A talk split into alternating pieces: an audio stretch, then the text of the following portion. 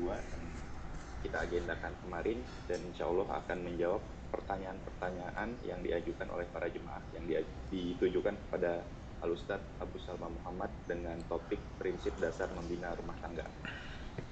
Adapun eh, kajian ini bersama dengan suamiku surgaku didukung oleh sinergi sebaris Mutiara Ilmu Salafi Bang Pitung TV Edukasi Ummah Smart Sunnah Lecture Official dan Wanita Teduh Taib, karena eh, pada pagi ini kita memasuki sesi soal jawab,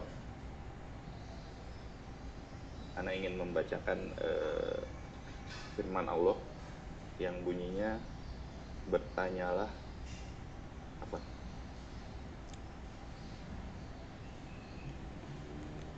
Fas'alu ahla dzikri in kuntum la ta'lamun. artinya maka tanyakanlah olehmu kepada orang-orang yang berilmu jika kamu tidak mengetahui. Tafadol Ustadz Abu Salma Muhammad untuk mukodimahnya dan nanti akan uh, kami lanjutkan untuk bacakan pertanyaan. طيب بسم الله إن الحمد لله نحمده ونستعينه ونستغفره ونتوب إليه ونعوذ بالله من شرور أنفسنا ومن سيئات أعمالنا من يهده الله فهو المهتد ومن يضلل فلن تجد له وليا مرشدا أشهد أن لا إله إلا الله وحده لا شريك له وأشهد أن محمدا عبده ورسوله لا نبي بعده أما بعد فإن أصدق الكلام كلام الله وخير الهدي هدي محمد صلى الله عليه وعلى آله وسلم وشر الأمور محدثاتها وكل محدثة بدعة وكل بدعة ضلالة وكل ضلالة في النار. أما بعد Jamaah sekalian, para ayah, para bunda, ikhwan dan akhwat Dan juga para sahabat Rahimani wa rahimakumullah ya, Awalan, Assalamualaikum warahmatullahi wabarakatuh Baik, uh, jamaah sekalian yang dimuliakan Allah Subhanahu wa taala. Ya alhamdulillah kita bersyukur di pagi hari ini kita diizinkan Allah untuk melanjutkan kembali ya sesi kedua dari uh, program atau kajian kita via Zoom ya yang diselenggarakan oleh teman-teman dari suamiku surgaku, istriku surgaku, anakku surgaku dan seterusnya ya. dan mudah-mudahan ya dari nama yang baik ini ya ini insyaallah taala bisa menjadi uh, motivasi untuk kita semua ya agar kita bisa menjadi pasangan-pasangan yang yang sifatnya seperti jannah atau surga ya di dunia sebelum di akhirat nanti. Baik, uh, para abad dan para umahat yang dimuliakan Allah di pagi hari ini ya sebagaimana sudah diinformasikan kemarin kita akan uh, fokus ke bertanya jawab ya karena kemarin kita full satu sesi materi sekarang baru kita full satu sesi bertanya jawab namun di sini ada beberapa disclaimer yang perlu saya sampaikan yang pertama ya uh, status saya di sini ya adalah sebagai seorang penuntut ilmu yang namanya pemula dan bisa jadi ya dari sisi keilmuan dan pengalaman dalam masalah bahtera rumah tangga antum semua lebih lama, lebih berpengalaman ya dibandingkan diri apa apa saya ya. Jadi ya mungkin ya yang sedang berbicara ini ya, itu bukanlah orang yang sebenarnya lebih layak ataupun lebih baik dibandingkan antum semua namun dikarenakan kewajiban seorang muslim adalah ketika dia diundang hendaknya dia memenuhi undangannya dan ketika dia dimintai nasihat maka dia memberikan nasihat. Jadi soal jawab yang ada di sini adalah bukan apa bukan tanya jawab ya layaknya seorang mufti dengan dengan umat ya tidak ya wal billah. Ya di, dikarenakan masih jauh ya uh, antara seorang mufti dengan seorang penuntut ilmu. Jadi uh, status saya di sini adalah ya adalah bagian dari ya akhukum fillah. Saudara antum semua ya yaitu di jalan Allah yang dimintai nasihat dan berkewajiban untuk memberikan nasihat sesuai dengan pengetahuannya ya lalu kemudian yang kedua ya itu tidak semua pertanyaan akan bisa dijawab Yang pertama karena masalah ilmu tentunya faktor ilmu ya. Kemudian yang kedua juga faktor waktu ya. Kemudian yang ketiga ya ini mungkin yang terakhir ya adalah ya uh, sangat mungkin nanti jawaban yang akan diberikan itu ya sebagaimana dikatakan la yusminu wa la yughni min ya minju yaitu tidaklah membuat kenyang dan juga tidaklah menghilangkan dahaga ya. Jadi sangat jauh dari jawaban yang mungkin memuaskan ya. Nah oleh karena itu ini adalah poin-poin yang perlu saya sampaikan di kesempatan awal ini baik ya untuk mempersingkat waktu langsung saja kita bertanya jawab. Nanti insya Allah di sini sudah ada pertanyaan yang masuk ya yang yang saya terima ada 11 namun informasinya 14 jadi kita upayakan dulu menjawab yang ada di sini dikarenakan penanya sudah lebih dahulu ya. Uh, maksudnya sudah mengeluarkan effort untuk untuk mengajukan pertanyaan duluan sehingga ya yang mengajukan pertanyaan duluan itu yang lebih berhak untuk dijawab ya. Baik ya mungkin uh, untuk sesi tanya jawab ya mungkin bisa langsung saya kembalikan kepada pembawa acara untuk memandu jalannya tanya jawab kita pada pagi hari ini. Ya tafadhol. Uh, sesuai dengan yang Ustaz sampaikan tadi kita mulai sesi soal jawab dari yang chat terlebih dahulu eh, jika ada ingin yang menyusul ingin bertanya boleh dimulai lewat chat dulu. Nanti jika waktu memungkinkan silahkan untuk resen. Kita mulai dari pertanyaan pertama dari Falana dari Cirebon. Bismillah Ustadz izin bertanya. Keluarga ingin memperkenalkan saya dengan seorang laki-laki. Dilihat dari CV-nya beliau datang dari masyarakat umum belum mengenal sunnah dan merokok berasal dari keluarga baik-baik semangat belajarnya tinggi dan akhlaknya baik. Awalnya ingin langsung menolak karena bertentangan dengan kriteria dan prinsip anak. Tapi Abi mengatakan kalau laki-laki ini bisa diarahkan ke manhaj salaf. Keluarga besar pun mengatakan bahwa hal-hal seperti rokok dan pemahaman beragama bisa berubah seiring berjalannya waktu. Karena manusia terus belajar. Mereka terkesan menganggap hal ini mudah, padahal bagi saya hal ini hal yang besar. Bagaimana saya menyikapi hal ini Ustadz? Mohon nasihatnya jazakumullah khairan kasiran Tayyib ya Tayyib wa Jazakillah khairan ya wa barakallahu fik ya dan mudah-mudahan Allah memudahkan urusan anti ya. Jadi yang perlu kita pahami bersama ya. Yang namanya memilih pasangan hidup itu adalah perkara yang sangat penting sekali, apalagi yang dicari atau yang dipilih adalah suami. Kenapa? Karena suami adalah imam ya atau sebagaimana kajian kita kemarin ibaratnya adalah nahkoda yang akan memimpin jalannya bahtera rumah tangga kita. Nah, apabila suami ini adalah orang-orang yang kita merasa ragu dengannya atau orang-orang yang tidak apa kredibel ya atau tidak punya ilmu atau diduga atau di apa tengarai ya dia memiliki sifat-sifat yang tidak baik, maka lebih baik ya kita menunggu, menunggu perubahan dirinya ataupun menunggu ya ada laki-laki lain yang lebih soleh. Tapi tentunya kita pun juga harus berkaca dan bercermin. Artinya begini, ya jika jika kita menginginkan pasangan yang soleh atau soleha, maka kita pun juga harus mematutkan diri kita. Patut nggak kita untuk mendapatkan pasangan yang soleh atau soleha? Artinya kita pun juga harus mensolehkan diri kita. Nah, jadi jamaah sekalian yang dimuliakan Allah Subhanahu wa taala. Ya bukankah ketika baginda Nabi yang mulia alaihi salatu wassalam beliau bersabda al-mar'u ala dini khalilihi falyanzur man yukhalilu ya. Jadi uh, kata Nabi SAW ya seseorang itu berada di atas agama sahabat dekatnya. Artinya seseorang itu tergantung dengan agama orang terdekatnya. Khalil itu adalah ya orang yang paling dekat ataupun mungkin bisa dikatakan apa namanya? Ke, ke, ke, kekasih ya. Kemudian kata Nabi Wasallam, "Falyandur man yukhalil." Ya. Maka lihatlah, perhatikanlah siapa yang engkau jadikan kekasih atau teman dekatmu. Nah, dari sini ya Nabi dengan jelas mengatakan al-mar'u ala dini khalilih. Seseorang itu tergantung atau dipengaruhi kuat oleh agama ya sahabat dekatnya. Apalagi ini jika sahabatnya adalah adalah pasangannya, suaminya, imamnya, maka tentu pengaruhnya akan sangat besar sekali.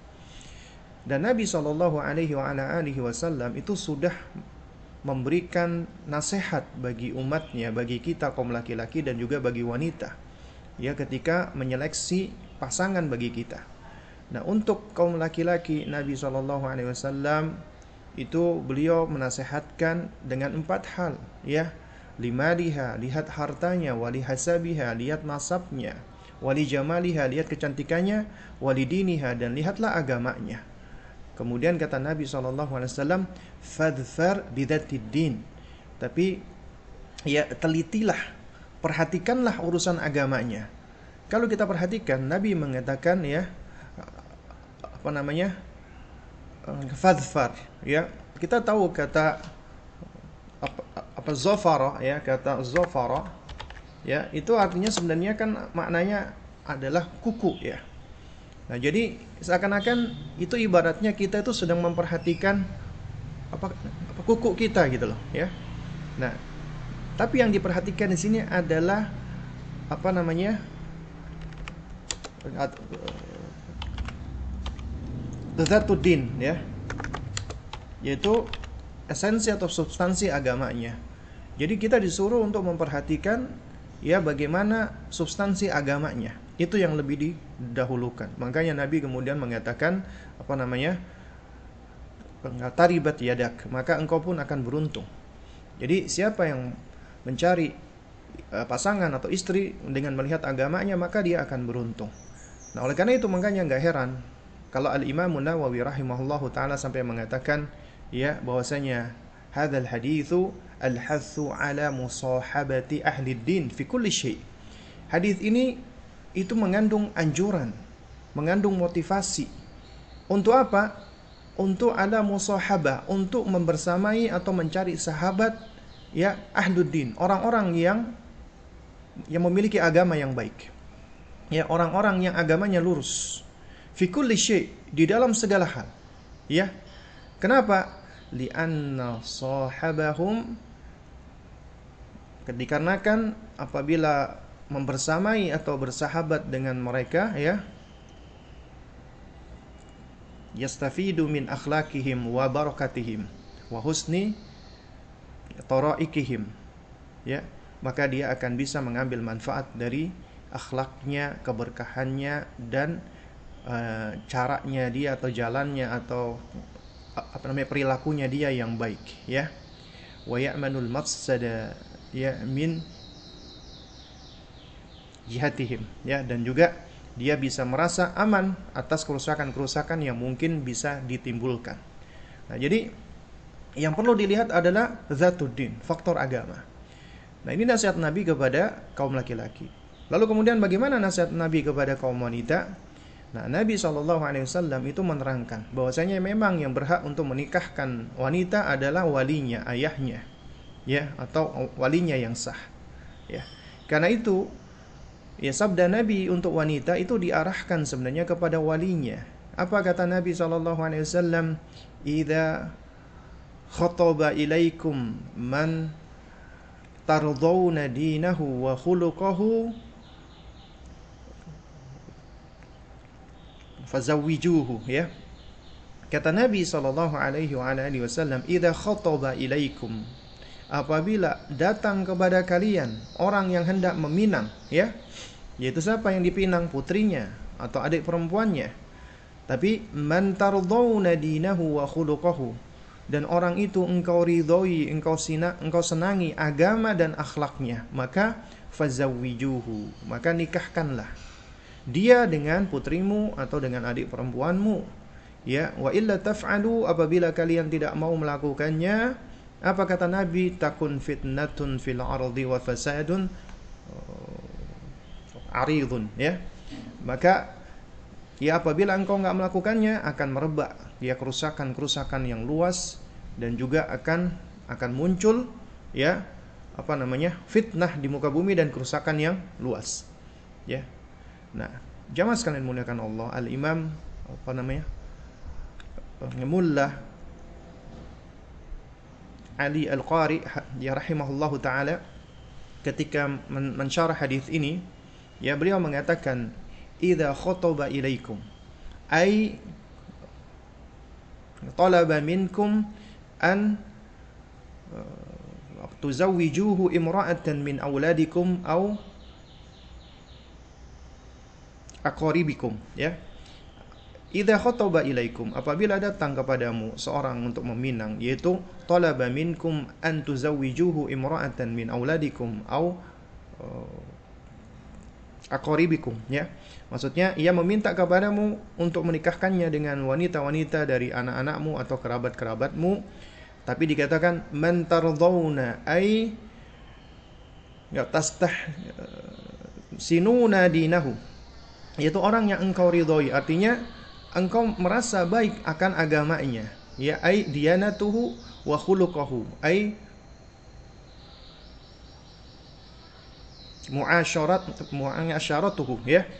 Dan juga baik akhlaknya khuluknya yaitu yaitu muasyarahnya. Muasyarah artinya adalah bagaimana ya dia bermuasyarah bagaimana dia berinteraksi ya. Bagaimana dia bergaul ya. Itu juga harus diperhatikan. Maka nikahkanlah dia. Nah zaman sekalian mungkin di sini itu ada yang bertanya ya dan juga ini suatu hal yang bagus ya ya kenapa kok di dalam hadis ini Nabi SAW menggandengkan antara kata ya man dinahu wa khuluquhu. Kenapa kok nggak dicukupkan man dinahu? Ya orang yang engkau ridhoi agamanya. Kenapa kok nggak disebutkan cukup agamanya? Tapi kok Nabi menyebutkan man dinahu wa khuluquhu. Orang yang engkau ridhoi agama dan akhlaknya. Berarti ada kaitan yang erat antara akhlak dengan agama. Khususnya ini nasihat bagi para wanita. Ya. Nah, oleh karena itu dikatakan oleh para ulama ya bahwasanya ya fal khulqu juz'un minad din. Yang namanya khuluk akhlak itu perangai adalah bagian dari agama. Ya. Bi qadari naqsil akhlaqi ya yang kusuddin ya jadi se sejauh mana akhlaknya itu berkurang maka berkurang pula agamanya artinya ya akhlak itu adalah parameter atau indikasi untuk bisa melihat agama seseorang. Ya. Dan ya di di dalam sebuah hadis ya di dalam sebuah apa riwayat ya bahwasanya dari Nabi Wasallam ya ya Nabi SAW itu apabila berkhutbah beliau tidaklah menyampaikan kecuali la imana liman la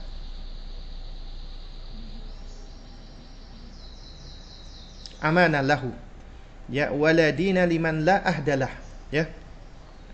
Kata Nabi tidak ada iman bagi yang tidak berpegang amanat.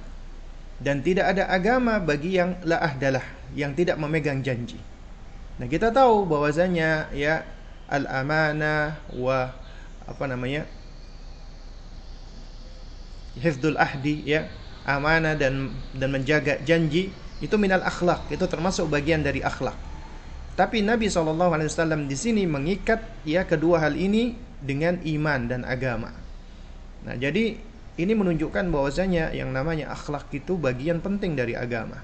Bahkan sampai-sampai ya ya sebagian ulama mengatakan bahwasanya ad-dinu ya agama itu ya kulluhu akhlak semuanya adalah akhlak ya karena ada akhlak kita kepada Allah, akhlak kita kepada Rasulullah, akhlak kita kepada diri sendiri, akhlak kita kepada orang tua, akhlak kita kepada anak dan seterusnya. Dan agama itu tidak lepas dari yang namanya akhlak. Makanya Nabi di sini itu ya memberikan nasihat untuk memperhatikan agama dan akhlak. Nah, kalau dikatakan agama itu akhlak semuanya, lalu kenapa kok Nabi mengulangnya? Ya, kan bukankah konsekuensinya kalau agamanya bagus berarti akhlaknya bagus? Dan akhlak yang bagus merupakan korina indikasi dari agama yang bagus. Nah, di sini yang menarik kata para ulama, ya, kenapa kok Nabi SAW itu setelah menyebutkan ya apabila engkau ridho dengan agamanya kemudian akhlaknya ya ini merupakan bentuk tanbih wa ta'kid. Ya tanbih wa ta'kid ya. Jadi ini merupakan bentuk tanbih wa ta'kid ya. Artinya tanbih itu sebagai bentuk peringatan agar kita lebih memperhatikan lagi dan takkid itu artinya sebagai bentuk apa namanya penguatan agar kita lebih menguatkan lagi untuk memperhatikannya. Nah, kalau kita perhatikan di dalam uslub bahasa Arab, itu sering kali ya digunakan kata-kata yang am dulu, yang umum dulu, baru kemudian setelahnya datang kata yang khusus. Jadi, ya al-khas ba'dal am. Ada penjelasan-penjelasan yang khusus datang setelah penjelasan yang am, yang umum. Contohnya misalnya kita lihat ya tentang hadis Nabi Shallallahu Alaihi Wasallam ketika Nabi mengatakan la tazulu oh, qadamu ibni Adam yaumal qiyamah min ya min uh, apa indillah ya. Jadi tidaklah bergeser kaki ya tidaklah bergeser ya kaki anak Adam ketika di hari kiamat di sisi Allah Subhanahu wa taala hatta yus'al an khamsin ya. Sampai dia ditanya tentang lima hal. Nah, lima hal ini yang pertama disebutkan adalah apa? Yaitu an umrihi, ya. Tentang usianya. Ya. Fi ma'afnah, untuk apa digunakan? Nah, ini kan yang yang pertama kan. Kemudian yang kedua, ya, yaitu an apa namanya? Uh, syababihi, tentang usia mudanya. Ya, fima ablah untuk apa ya di uh, untuk apa digunakan pula jadi untuk apa di tentang usianya untuk apa dihabiskan dan usia mudanya untuk apa digunakan kita tahu nih ketika Nabi menyebutkan tentang umur usia berarti ini usia hidup manusia artinya di situ mencakup dong usia anak-anak usia muda usia tua ya Artinya seharusnya kan tentang usianya untuk apa digunakan sudah sudah cukup kan? Seharusnya kan seperti itu. Tapi di bagian yang kedua ya dari lima hal ini yaitu tentang lima hal yang akan ditanya oleh Allah yaitu tentang an apa namanya nggak nggak syababihi ya, tentang usia syababnya tentang usia mudanya ya fima ablah untuk apa dia gunakan nah padahal usia muda ini bagian dari usia ya kan usia muda ini adalah bagian dari usia. Nah, kenapa kau diulang oleh Nabi? Ini semua adalah sebagai bentuk tambihan wa ta'kidan. Ya, ini semua sebagai bentuk tanbih dan takkid ya yang di atas ini. Tanbih dan takkid. Ya, untuk menekankan dan supaya kita memperhatikan tentang betapa pentingnya usia muda. Karena ini adalah usia yang paling produktif dan apa dari usianya umat manusia. Ya, ini usia muda. Nah, makanya Nabi memberikan perhatian khusus Nah juga demikian ketika Nabi SAW mengatakan man tardawna dinahu wa khuluquhu yaitu yang orang yang engkau ridhoi agama dan akhlaknya berarti Nabi di sini bermaksud untuk memberikan tanbih dan takkid tentang urusan akhlak. Ya. Jadi ini artinya para orang tua, para wali, wahai Anda para ayah yang akan menikahkan putri Anda. Ketika Anda ya hendak menikahkan putri Anda, maka lihatlah laki-laki itu dari sisi agama ya dan akhlaknya. Artinya agamanya harus bagus, kemudian ditekankan oleh Nabi akhlaknya juga harus bagus. Kenapa demikian? Karena dikatakan akhlak itu adalah ya turjumanu ya ya din jadi akhlak itu adalah penerjemah agama. Apabila Anda ingin melihat ya baiknya agama seseorang, maka dilihat dari yang zohir dari akhlaknya. Ya. Nah, jadi di situlah seseorang akan tampak ya tentang baik agamanya yaitu dari akhlaknya. Karena yang namanya akhlak ini yang pertama adalah tentunya yang paling penting adalah akhlak kepada penciptanya, akhlak kepada Allah. Akhlak kepada Allah ini mengharuskan apa? Tauhid. Harus lurus tauhidnya. Karena apabila dia tidak mentauhidkan Allah, berarti dia tidak berakhlak kepada Allah. Dia telah menzalim, telah berbuat zalim. Ya. dia telah berbuat ya mohon maaf kalau bahasa kita mungkin kurang ajar kepada Allah Subhanahu wa taala. Karena dia diberikan berbagai macam nikmat, dirinya diciptakan oleh Allah, kemudian diberi bentuk dan diberi anggota tubuh seperti saat ini dan diberikan berbagai macam kenikmatan, tapi alih-alih dia uh, bersyukur kepada Allah, tapi dia malah beribadah kepada selain Allah atau malah dia nggak mau beribadah kepada Allah. Ini artinya orang yang nggak ada akhlak. Jadi kalau ada orang ya dia adalah orang yang musyrik, orang yang kafir atau orang yang ateis, maka itu sejatinya adalah orang-orang yang tidak berakhlak meskipun mungkin dia tampak di hadapan manusia orangnya baik, kalem dan semisalnya. Nah, kita kadang-kadang dapat ya jamaah sekalian ya. Mungkin ada orang yang kita kenal tetangga rumah kita, dia non muslim, tapi ternyata oh, baik ya orangnya ya. Orangnya itu suka membantu, suka menolong, ya. Nah mungkin dia punya akhlak terhadap manusia, tapi dia nggak punya akhlak terhadap Allah ketika dia menyekutukan Allah. Dan ini adalah yang paling besar. Kemudian juga harus ada akhlaknya ya terhadap Rasulullah Sallallahu Alaihi Wasallam. Ini anda harus memperhatikan akhlak kepada Rasulullah. Ya akhlak dia kepada Rasulullah adalah apa? Dia harus membenarkan semua apa yang Rasulullah sampaikan. Harus menaati semua apa yang Rasulullah ya perintahkan. Harus menjauhi semua apa yang Rasulullah larang. Harus mencintai Rasulullah melebihi daripada kecintaannya kepada siapa pun di muka bumi ini meskipun itu orang tuanya. Dan dia tidaklah beribadah kecuali dengan apa yang dituntunkan oleh Rasulullah. Itu akhlaknya kepada Rasulullah. Dan ketika nama Rasulullah disebut dia bersolawat ya untuk Rasulullah Shallallahu Alaihi Wasallam dan dia senantiasa berusaha menghidupkan sunnahnya Rasulullah ini adalah akhlaknya seorang hamba kepada Rasulullah ini adalah bagian dari agama yang tampak Lalu kemudian juga dia harus menunjukkan akhlaknya dia kepada dirinya. Karena dirinya adalah ciptaan Allah yang harus dia syukuri, harus dia kenali. Bahkan dikatakan ya, man arafa rabbahu arafa nafsahu. Siapa yang lebih mengenal dirinya, siapa yang lebih mengenal Allah penciptanya, maka dia akan lebih mengenal dirinya. Dia tahu ya, dirinya ini begitu lemahnya sehingga dia butuh selalu dengan pertolongan Allah. Dia tahu Allah menciptakan dirinya fi ahsani taqwim dengan bentuk yang begitu sempurna sehingga dia harus bersyukur kepada Allah Subhanahu wa taala. Di antara akhlak seseorang kepada dirinya adalah dia tidak menzalimi dirinya, menganiaya dirinya. Dan bentuk penzaliman terhadap diri adalah dengan cara bermaksiat. Karena maksiat itu adalah kezaliman kepada diri kita. Kenapa? Karena kita mempergunakan nikmat Allah ini yang ada di dalam diri kita untuk bermaksiat kepada Allah. Karena di antara ya syukur itu memiliki rukun. Rukun syukur yang pertama adalah iktirafu bil qalbi. Dia harus mengakui dengan hatinya. Ini adalah nikmat dari Allah. Aku dan tubuhku nikmat dari Allah, harus aku syukuri. Ya. Lalu kemudian yang kedua, ya rukun syukur yang kedua adalah at-talafut diucapkan dengan lisannya. Dia ucapkan alhamdulillah dan berzikir kepada Allah Subhanahu wa taala.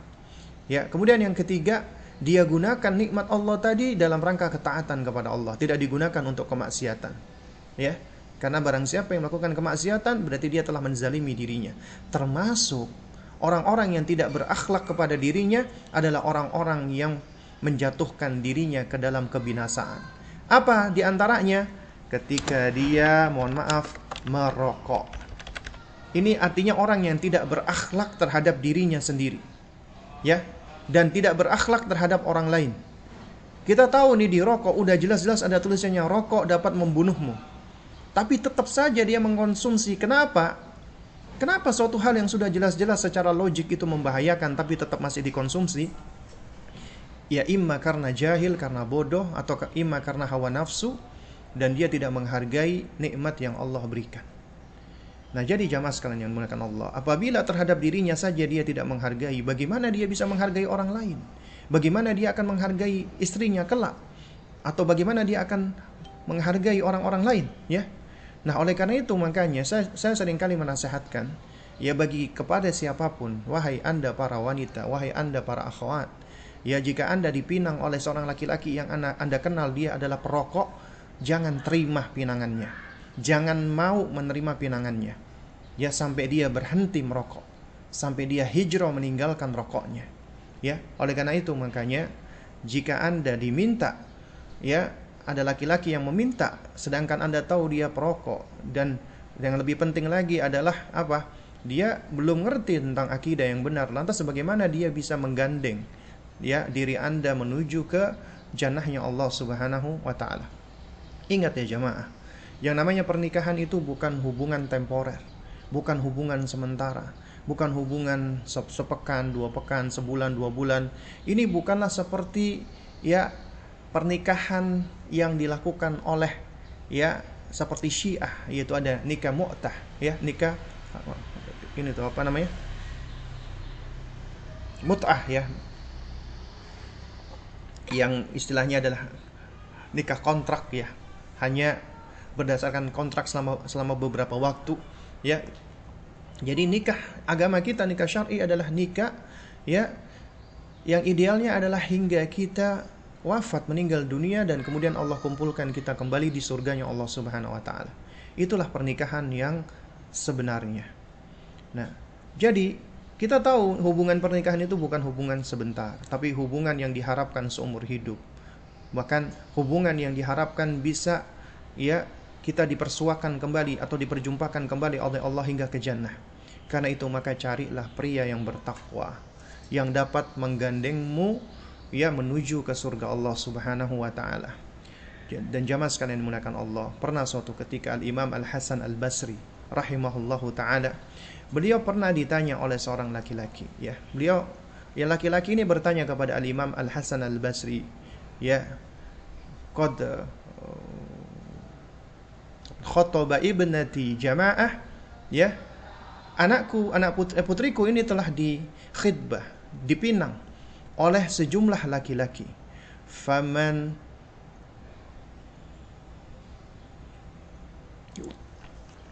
uzawijuha.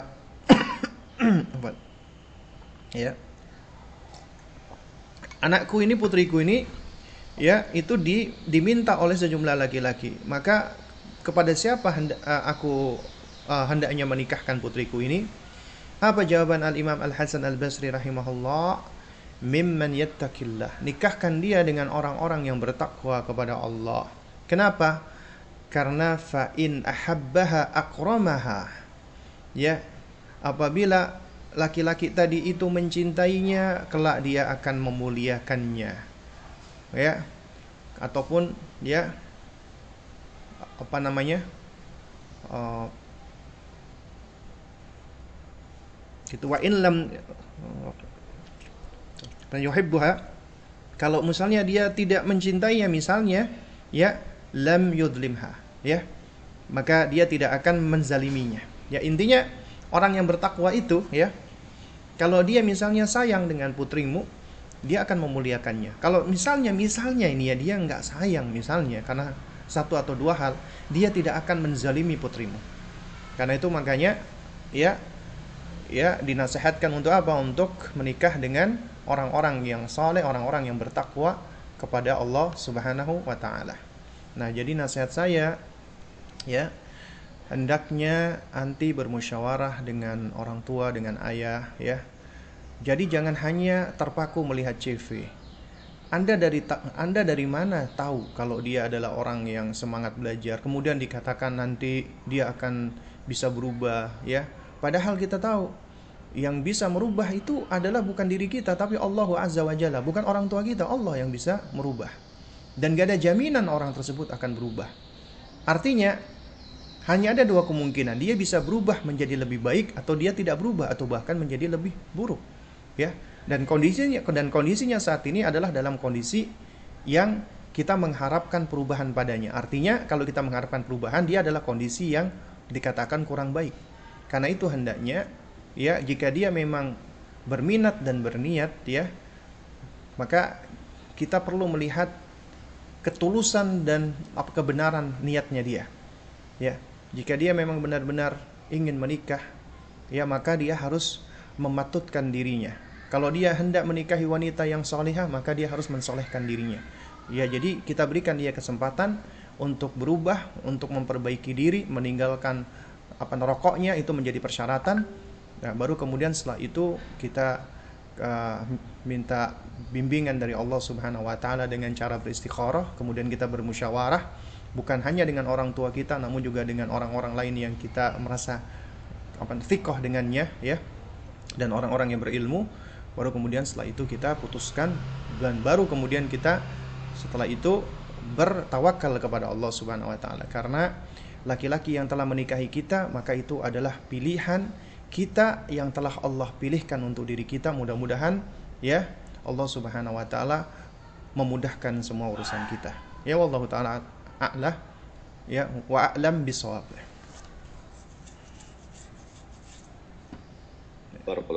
Ustaz atas jawabannya. Pertanyaan kedua dari Ummu Abdillah di Bandung. Bagaimana pelayanan terbaik bagi seorang istri yang jika suaminya kuliah di Saudi sedangkan istrinya mengajar atau tinggal di Ma'had Indonesia, Ustadz? Minimal suaminya pulang setahun sekali. Adakah nasihat dan tips terbaik untuk istri tersebut? Sukron, jazakallah khairan, wa barakallahu fiqh. Baik, wa jazakallah khairan wa fiqh barakallah wa iyaha asailah ya. Tayyib ya. Jadi yang pertama hendaknya penanya bersyukur kepada Allah Subhanahu wa taala ya dengan sebesar-besarnya syukur. Kenapa? Karena Allah Subhanahu wa taala telah telah berikan ya insya Allah ya itu pasangan atau suami yang paling baik ya. Dikarenakan betapa banyak para wanita yang menginginkan ya uh, suami-suami uh, yang yang merupakan para penuntut ilmu ya khususnya yang juga belajar sampai di uh, apa namanya negeri Saudi misalnya ya. Jadi ini adalah karunia dan nikmat dari Allah, harus disyukuri yang pertama. Kemudian yang kedua ya, ini memang bisa dikatakan adalah LDR ya, long distance relation atau LDM ya, long distance marriage marriage ya. Jadi uh, menikah tapi kita dipisahkan oleh jarak gitu ya. Dan ini bagian dari ujian Allah Subhanahu wa taala yang harus ditempuh dengan kesabaran. Karena insya Allah apabila kita sabar, Allah akan berikan kebaikan ya. Nah, jadi uh, di antara mungkin ya uh, nasihat yang bisa saya sampaikan ya untuk diri saya dan juga untuk uh, saudara-saudara yang lainnya adalah ya kita tahu yang namanya pernikahan itu idealnya adalah al-musahabah pembersamaan, kebersamaan, zahir wa batin, ya secara zahir dan batin. Nah, kondisi LDM atau long distance marriage ini ya itu memang menyebabkan kita nggak bisa dekat secara fisik, secara zahir. Sementara pernikahan itu idealnya adalah kedekatan dan kebersamaan lahir dan batin. Nah, apabila kondisi belum memungkinkan hadirnya fisik, hadirnya lahir, maka ya kita tahu ya meskipun fisik itu jauh meskipun jarak memisahkan zohir atau fisik kita badan kita tapi bat apa tapi hubungan batin itu tidak melihat jarak tidak melihat waktu ya. Nah oleh karena itu makanya ya meskipun kita belum ada kebersamaan secara lahir atau zahir maka kita tetap menguatkan kebersamaan batin kita ya Nah, di antaranya apa? Dengan cara kita terus menumbuhkan uh, apa, apa rasa sayang kita dengan pasangan kita, yang menumbuhkan kecintaan kita dengan pasangan kita tadi, yaitu lillah karena Allah, fillah di jalan Allah, billah dengan senantiasa minta pertolongan Allah Subhanahu wa taala wa ala amrillah dan juga di atas perintah Allah. Dan di antaranya dengan cara kita mendoakan dia. Karena ya ketika seorang hamba mendoakan saudaranya apalagi pasangannya suaminya ya ketika tidak berada di hadapannya maka doa-doa kita itu akan diaminkan oleh malaikat dan ini bagian dari kita berusaha untuk menguatkan alaqah hubungan kita dengan orang-orang yang tidak bersama dengan kita. Terus kemudian poin berikutnya adalah ya meskipun jarak memisahkan Anda tetap adalah istri dan dia adalah adalah suami. Di situ ada hak dan kewajiban yang tetap berlaku yang dan tetap berjalan. Ya, artinya suami tetap harus berkewajiban memberikan nafkah semampu dia. Ya. Ya. Jadi tetap wajib memberikan nafkah semampu suami ya dan di sisi lain istri juga wajib untuk menaati suami di dalam perkara-perkara yang ma'ruf dan juga ada kewajiban-kewajiban yang tetap harus ditunaikan oleh seorang istri kepada suaminya meskipun mereka tidak bersama-sama. Di antaranya misalnya ketika sang istri akan keluar rumah, hendak pergi, ya hendaknya dia tetap izin sama suaminya. Ya, dia WA atau dia SMS atau dia kontak suaminya, izin bang hari ini mau keluar. Kemudian juga nggak boleh memasukkan tamu laki-laki asing ke dalam rumah artinya tidak menerima tamu laki-laki ya. Ya. Kecuali dengan izin suami dan juga di situ ada mahram dan aman dari fitnah. Kemudian menjaga amanat suami hartanya. Kemudian juga menjaga apa kemuliaan diri kita. Dan kita tetap menjaga ya fisik diri apa fisik kita. Artinya kita perlu tetap apa namanya memelihara ya uh, kecantikan kita. Ya memang ya uh, kecantikan yang paling penting itu adalah kecantikan batin. Tapi tetap seorang istri hendaknya dia berusaha untuk mematutkan dirinya dia belajar bersolek merawat tubuhnya ya sehingga ketika suaminya datang ya dia bisa melayani suaminya dengan sebaik-baiknya. Terus kemudian poin berikutnya adalah apa tetap optimis ya ya yakni ya uh, dan juga kita menetapkan tujuan bersama. Artinya ketika suami sedang berada di Saudi, dia sedang belajar, dia sedang kuliah ya misalnya dan kita juga sedang berada di ma'had ya. Maka yakini bahwasanya ini adalah bagian dari persiapan kita agar ketika Allah mengumpulkan kita, fisik kita, zahir kita ya sehingga kita bisa ya menjalani hidup ini dengan lebih ber berkualitas lagi ya dengan apa lebih baik lagi. Dan ketahuilah ya kadang-kadang yang namanya perpisahan ataupun kita dipisahkan oleh oleh jarak itu malah semakin menguatkan perasaan cinta kita. Kita akan semakin rindu ya.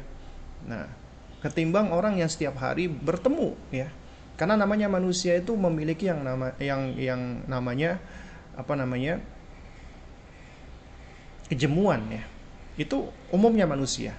Nah, kadang-kadang dipisahkan dengan jarak itu dapat apa? Itu dapat dapat menumbuhkan itu tadi uh, bulir-bulir cinta tadi dikarenakan kita akan rindu dengannya, kita akan kangen dengannya dan seterusnya. Terus kemudian juga nggak kalah penting adalah ya cari-cari waktu untuk terus berkomunikasi, saling berbagi cerita, ngobrol. Alhamdulillah Allah mudahkan di zaman ini dengan berbagai macam media-media sosial ya dan kemudian yang gak kalah penting yang terakhir ya. Dan ini banyak sebenarnya adalah saling mempercayai ya. Dan hindarkan ya zon-zon khususnya buruk sangka terhadap pasangan kita. Misalnya kadang-kadang syaitan itu ya selalu mengintai. Ya misalnya suami kita kok sudah tiga hari nggak ngasih kabar. Namanya wanita istri karena itu bukan bukan biasanya tapi emang emang dia akan merasa khawatir, takut dan lain sebagainya. Dan kadang-kadang muncul pikirannya, apa dia udah nggak sayang lagi sama aku ya, apa atau dia jangan-jangan sudah punya yang lain. Itu kadang-kadang pikiran-pikiran buruk itu banyak. Makanya di sini pentingnya untuk terus apa menumbuhkan sikap saling mempercayai. Kita harus mempercayai pasangan kita, berusaha untuk untuk untuk mempercayai dia, ya.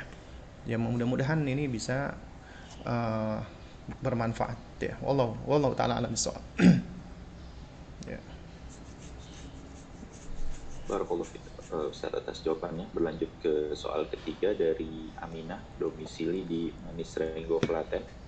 Tadi ditekankan bahwa kemarin maksudnya bahwa suami sebagai nahkoda yang nentuin arah mau dibawa ke mana rumah tangga. Tetapi bagaimana menyikapi suami yang bersikap untuk mengalir aja dalam kurung udah jalani saja dulu. Tepat. Taib, jamaah sekalian dimulakan Allah Subhanahu wa taala ya. Nah, ini apa namanya pertanyaan ya yang memang perlu di dipahami lagi ya dikarenakan gini ya. Suami adalah nakoda yang menentukan arah.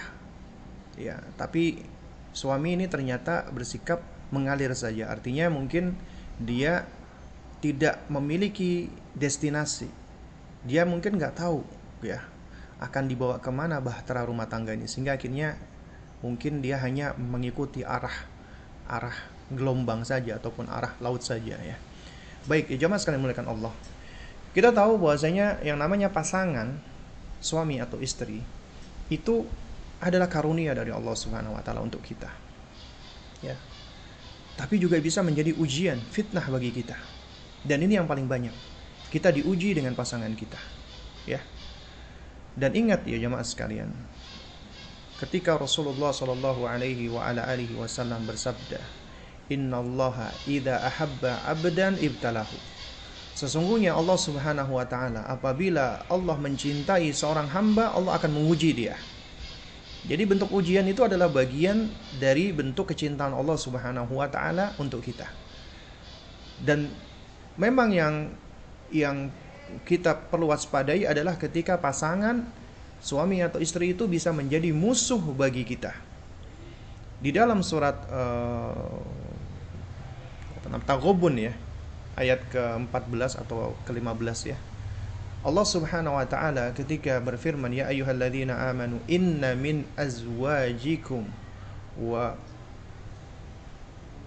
auladikum ya.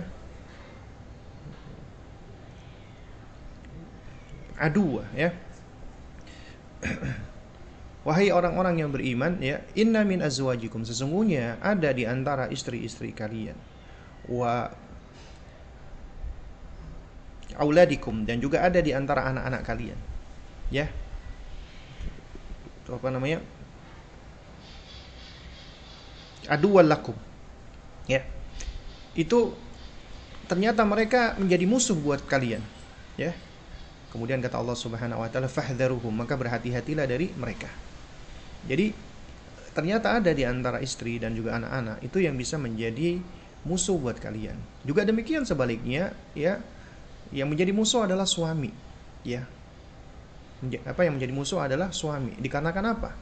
Dikarenakan ya suami itu tidak punya agama bahkan lalai dari agama, lalai dari keluarga, nggak mau ngurusin keluarga, nggak mau menjalankan tanggung jawab, malah menzalimi keluarganya. Ini adalah musuh.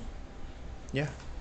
Dan yang lebih parah lagi apabila suami mengajak kepada keburukan-keburukan dan kemaksiatan-kemaksiatan dan melarang dari kebaikan-kebaikan. Ini adalah karakter syaitan. Syaitan dari jenis manusia. Yaitu ya mereka melarang manusia yang lain dari kebaikan dan mengajak kepada keburukan. Ini karakter syaitan. Dan ada loh suami-suami punya karakter seperti ini. Ada loh istri-istri punya karakter seperti ini. Ada pula anak-anak ya juga punya sifat-sifat seperti ini ketika dia sudah sudah gede ya maksudnya.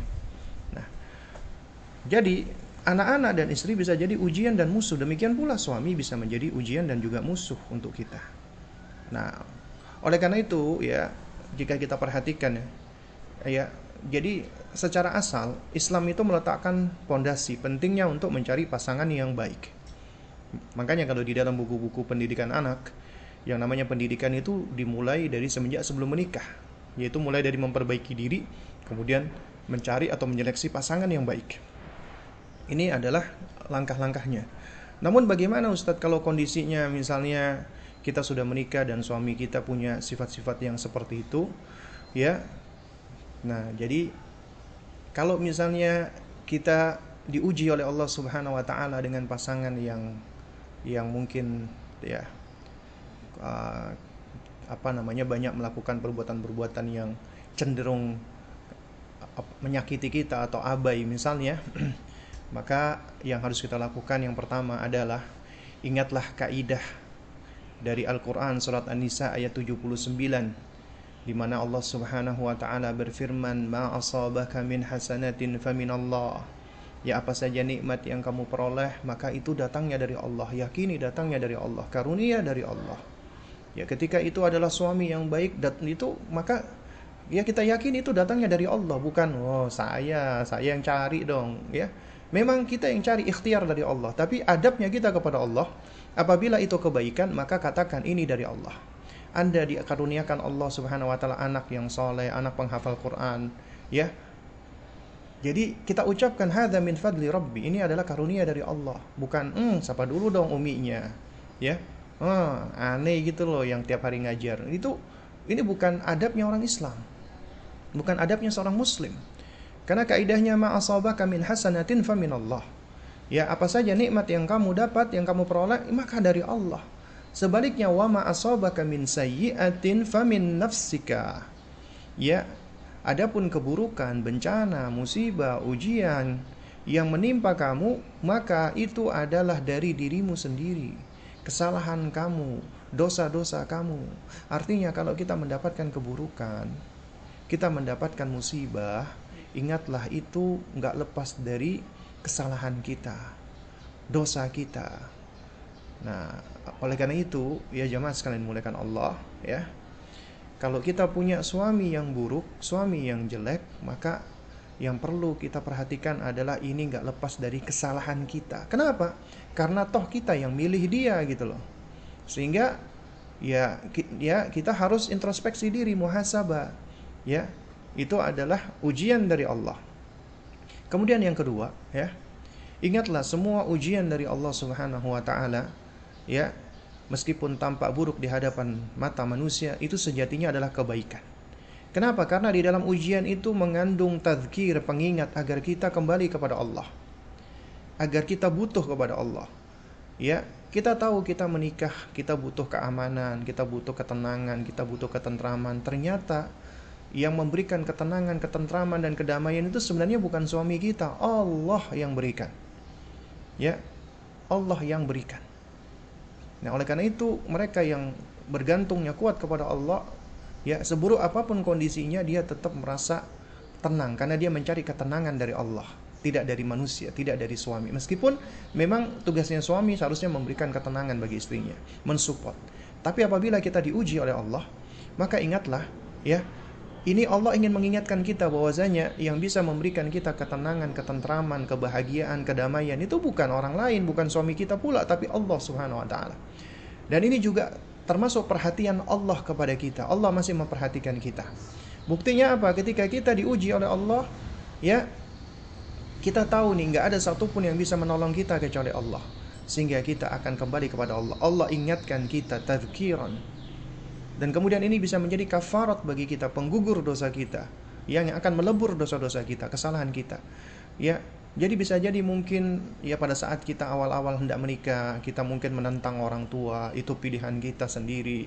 Kemudian kita banyak menerjang apa namanya? batasan-batasan syariat, akhirnya kemudian kita menikah dengan ya hal-hal tersebut. Itu semua adalah bagian dari dosa. Dengan ujian ini itu insya Allah akan bisa menjadi kafarat untuk semua kesalahan-kesalahan kita ya Allah akan gugurkan semua dosa-dosa kita tersebut asalkan kita sabar. Kemudian poin yang ketiga ya, yang nggak kalah penting ya bahwasanya hati kita, hati manusia, hati suami kita itu berada di genggaman Allah Subhanahu wa taala. Allah yang menggenggam dan membolak-balikkannya. Nah, karena itu apabila Anda ingin kebaikan, ya, Anda ingin mengharapkan perubahan, maka minta kepada Allah. Ya Allah yang membolak-balikkan hati. Maka minta kepada Allah cari waktu-waktu mustajabah doakan suami. Ya. Dan apa namanya dan uh, nah hujamkan ya uh, panah-panah doa kita ya ke atas langit. Meminta kepada Allah Subhanahu wa taala agar Allah Subhanahu wa taala memberikan hidayah untuk suami kita agar dia bisa menjadi sosok suami yang bertanggung jawab untuk kita, bisa membimbing kita. Kemudian juga yang gak kalah penting adalah bersabar ya jamaah. Bersabar atas musibah dan bersabar atas kekurangan dan kesalahan suami ya. Karena kelak insya Allah apabila kita bersabar ya itu balasan orang-orang yang bersabar itu pasti kebaikan. Az-Zumar ayat 10 Allah mengatakan apa? Innama yuwaffas sabiruna ajrahum bighairi hisab kata Allah.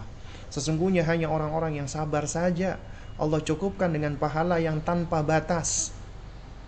Pahalanya itu tanpa batas, unlimited pahala gitu loh. Kita manusia kadang-kadang suka melihat sesuatu ya. Kalau misalnya data internet, wah ada apa kuotanya. Wah, kuotanya cuma 15 giga, kuotanya cuma 20 giga misalnya ya. Nah, kita mungkin kadang-kadang melihat hal itu. Nah, manusia senang apabila oh ada unlimited kuota misalnya. Karena ini suatu hal yang unlimited, tidak terbatas. Lantas bagaimana kalau itu pahala dari Allah? Padahal ya, satu pahala dari Allah aja jauh lebih baik daripada dunia dan seisinya. Lantas bagaimana dengan ya dengan unlimited pahala, pahala yang unlimited, yang tanpa batas. Terus kemudian yang nggak kalah penting juga ya jemaah sekalian adalah kita terus mendekatkan diri kita kepada Allah Subhanahu wa taala. Kita menguatkan alaqah hubungan kita, koneksi kita dengan Allah. Kelak saya Allah akan memperbaiki koneksi hubungan kita dengan makhluknya, dengan suami kita. Maka perbaiki terus koneksi kita dengan Allah. Dengan banyak kita berzikir, membaca Quran, sholat malam, gunakan me time kita. Ya, waktu kita bersendiri, khalwat kita kita bermunajat kepada Allah. Dan kemudian kita terus pupuk dengan bertakwa kepada Allah. Ya, bertakwa kepada Allah dengan berusaha untuk terus melaksanakan perintah Allah, menjauhi larangan Allah. Dan yakinlah ya, karena Allah Subhanahu wa taala dalam surat surat apa namanya? Uh, At-Talaq ya ayat kedua Allah telah menjanjikan wa may yattaqillaha yaj'al lahu makhraja Siapa yang bertakwa kepada Allah, Allah akan berikan dia jalan keluar. Allah nggak mungkin menyelisih janjinya, Allah nggak mungkin menyelisih firmannya. Artinya siapa yang bertakwa kepada Allah dengan sebenar-benar takwa, ya lahu makhraja. Allah pasti akan berikan dia jalan keluar. Pasti, jaminan itu, janji dari Allah. Terus kemudian juga yang nggak kalah penting adalah, ya, ketika suami kita misalnya kok tampak ya kayak nggak ada arah, labil, bingung, ya atau bahkan abai dan semisalnya, ya lalu lalu kemudian di dalam benak kita kok kayaknya dia nggak layak untuk menjadi imam gitu karena dia nggak bisa membimbing kita gitu loh. nah itu juga nggak kalah penting adalah kita berusaha cari tahu nih, mengidentifikasi, ya karena kita diberikan Allah kemampuan untuk bisa mengobservasi, mengamati. Kita coba ini cari tahu ini identifikasi. Kenapa kok suami ini seperti ini? Kenapa kok suami ini kok dia merasa dirinya tidak layak menjadi imam? Kok hanya ngikutin apa namanya uh, gelombang saja misalnya. Nah ini ada beberapa kemungkinan. Misalnya kemungkinan pertama ya ternyata memang dia belum punya ilmu.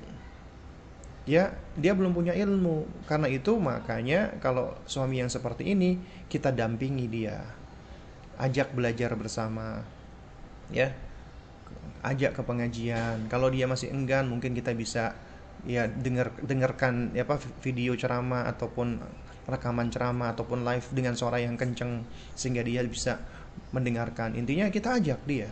Siapa tahu dari hal-hal yang kita lakukan ini dia mendapatkan hidayah dari Allah. Dan kita menjadi fasilitator atau sebab tersampaikannya hidayah. Dan itu adalah pahala yang besar. Ya. Pahala yang besar. Ya. Atau misalnya suami punya ilmu sebenarnya dia adalah orang yang dulu suka ngaji ya. Tapi dia enggan malas atau dia futur ya. Nah dia punya ilmu tapi dia malas. Apa yang kita lakukan? Yang kita lakukan adalah kita tetap berbuat baik dengan dia. Kita nasihati baik-baik. Kita layani dia dengan baik. Ya mudah-mudahan Allah berikan dia hidayah atau taufik ya. Dan terus taati suami di dalam perkara-perkara yang ma'ruf di dalam perkara-perkara yang baik seburuk-buruk suami kita, tetap kita harus menjalankan perintah Allah. Kenapa? Karena ini perintah Allah. Perintah Allah lebih didahulukan, perintah Rasulullah lebih lebih didahulukan daripada emosi kita, kemarahan kita, kejengkelan kita. Kadang-kadang kita sebagai wanita, hm, ngapain saya melayani suami, toh dia nggak ngapa-ngapain, dia nggak pernah nginin saya, dia nggak pernah gituin saya, ya. Nah, jadi ya ternyata di dalam pernikahan kita itu sendiri ada sesuatu yang keliru Nah, jadi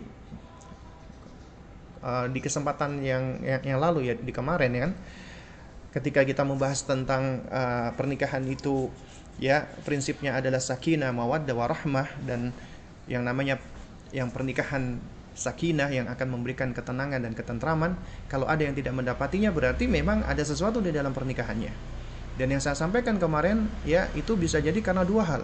Imma karena ya tidak ada keikhlasan hati di dalam melakukan pernikahan karena Allah ya dan di jalan Allah atau imma karena tidak berangkat di atas syariat, tidak berangkat di atas ilmu, ya. Nah, kita tahu nih bahwasanya kewajiban istri menaati suami di dalam perkara ma'ruf tanpa melihat nih suaminya ini bagaimana, suaminya zolim. Iya, sama seperti seorang anak tetap wajib berbakti kepada orang tuanya. Meskipun orang tuanya dulu mengabaikan dia, nggak pernah ngurusin dia, itu ya Karena kenapa? Ini perintah Allah dan perintah Rasulullah. Perintah Allah dan perintah Rasulullah lebih didahulukan daripada ya perasaan kita, ego kita, kemarahan kita, kejengkelan kita. Ya, itu adalah bagian dari dari apa? Dari dari uh, upaya-upaya syaitan untuk mengalihkan kita dari menjalankan perintah Allah Subhanahu wa taala. Jadi kita harus lebih mengedepankan perintah Allah. Allah perintahkan kita untuk menaati suami di dalam perkara ma'ruf, maka kita dahulukan. Dan mudah-mudahan Allah Subhanahu wa taala akan berikan hidayah. Atau at least setidaknya ya apa yang kita lakukan ini nggak akan disia-siakan oleh Allah. Itu akan menjadi ya apa tabungan pahala untuk kita. Ya. Dan itu dan ini menunjukkan bahwasanya yang lebih kita butuhkan sejatinya adalah Allah Subhanahu wa taala dibandingkan siapa pun yang ada di muka bumi ini. Karena apa? Karena kita dilahirkan seorang diri. Kita pun kelak akan meninggal juga seorang diri. Kita pun juga akan ditanya dihisap oleh Allah seorang diri. Artinya kita akan membawa diri kita. Yang bisa kita bawa adalah amal kita. Nah, adapun kita bisa dikumpulkan bersama dengan keluarga kita itu adalah bonus dari Allah.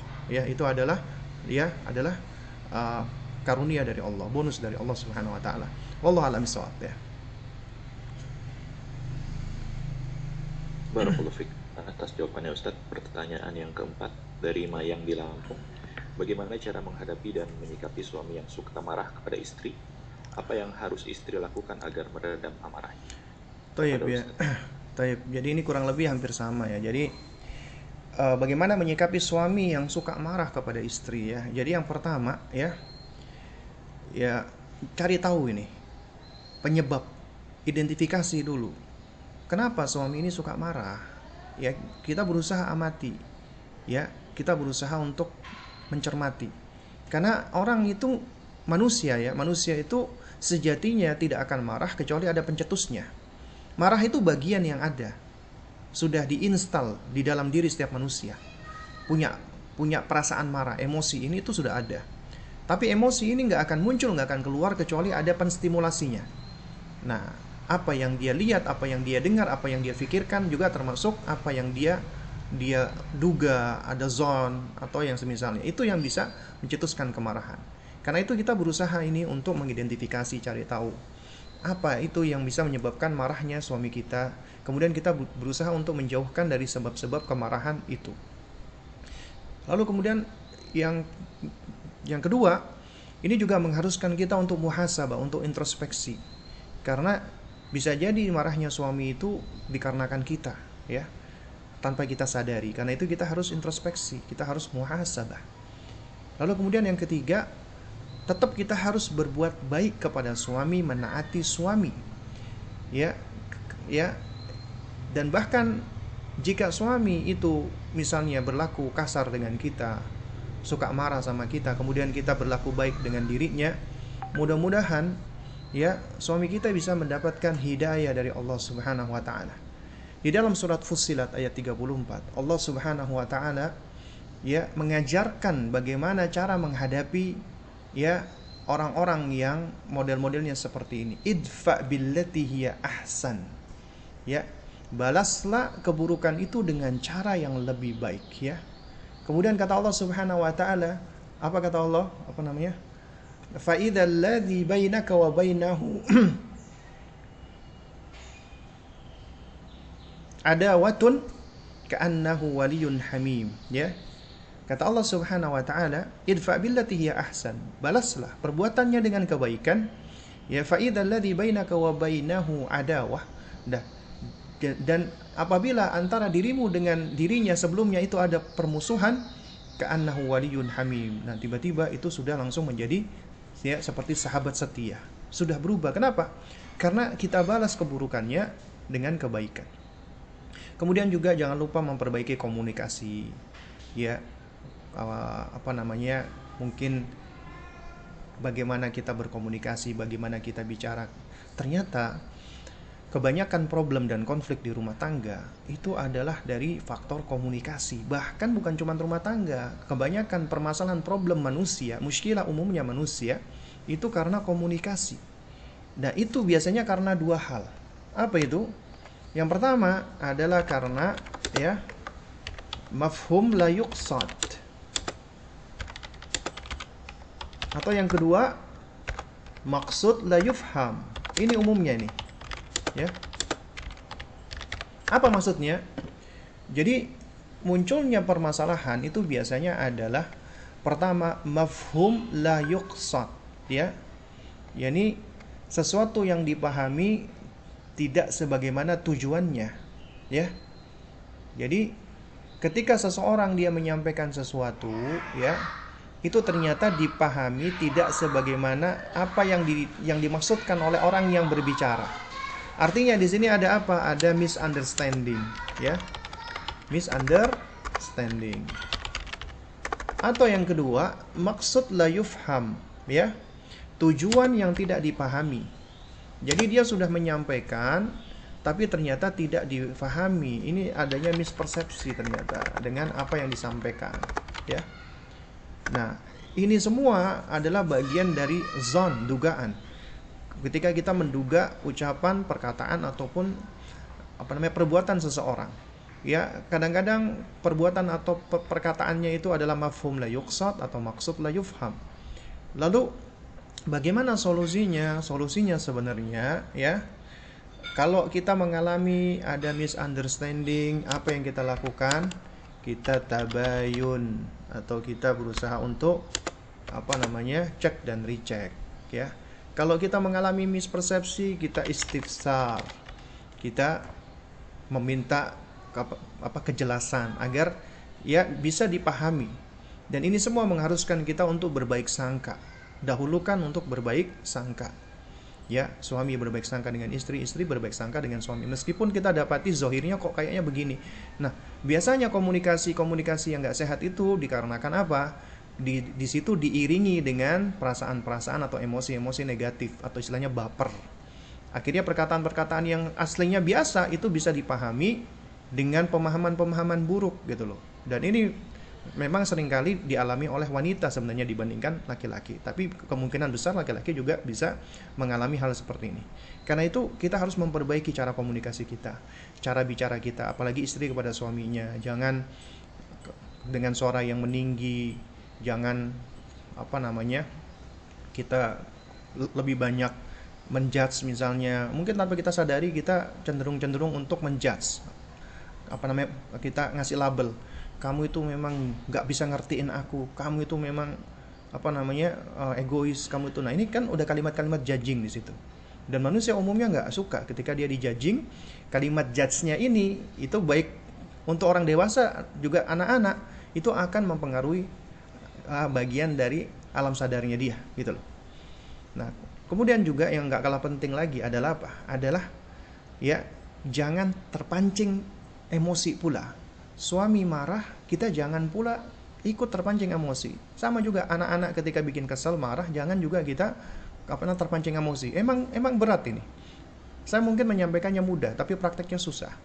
Nah, tapi ya bukan artinya kita nggak mampu untuk melakukan ini. Ini sesuatu yang bisa dilatih, sesuatu yang bisa ya terus di apa namanya pelajari. Bagaimana agar kita tidak mudah terpancing emosi?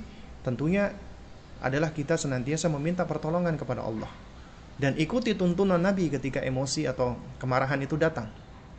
Nabi sudah mengajarkan ketika kita lagi marah tiba-tiba maka jangan lupa ta'awudz mohon perlindungan kepada Allah dari syaitan. Kenapa? Karena syaitan itu akan cenderung dompleng ke emosi negatif kita. Kemudian ya kata Nabi SAW Ida ahadukum Apabila salah seorang dari kalian ngamuk, marah, diem, jangan ngomong Ya, Ketika suami kita ngomel-ngomel, kita bawaannya pengen membalas marah, diam. Kita menenangkan diri dulu. Kemudian juga di antara berikut cara berikutnya adalah kita merubah posisi dari posisi berdiri ke duduk, duduk ke berbaring. Kemudian kalau perlu kita ke kamar mandi dulu atau ke belakang kita berwudhu menenangkan diri. Masih belum tenang kita baca Quran dan seterusnya. Karena nggak akan ada baiknya komunikasi yang diiringi dengan ya emosi seperti ini. Kemudian juga yang gak kalah pentingnya lagi adalah belajar untuk mengalah. Mengalah bukan artinya kalah. Seringkali orang-orang besar, orang-orang yang lebih dewasa adalah dia bisa mengalah dalam rangka untuk apa? Untuk untuk uh, apa kebaikan gitu loh. Ya.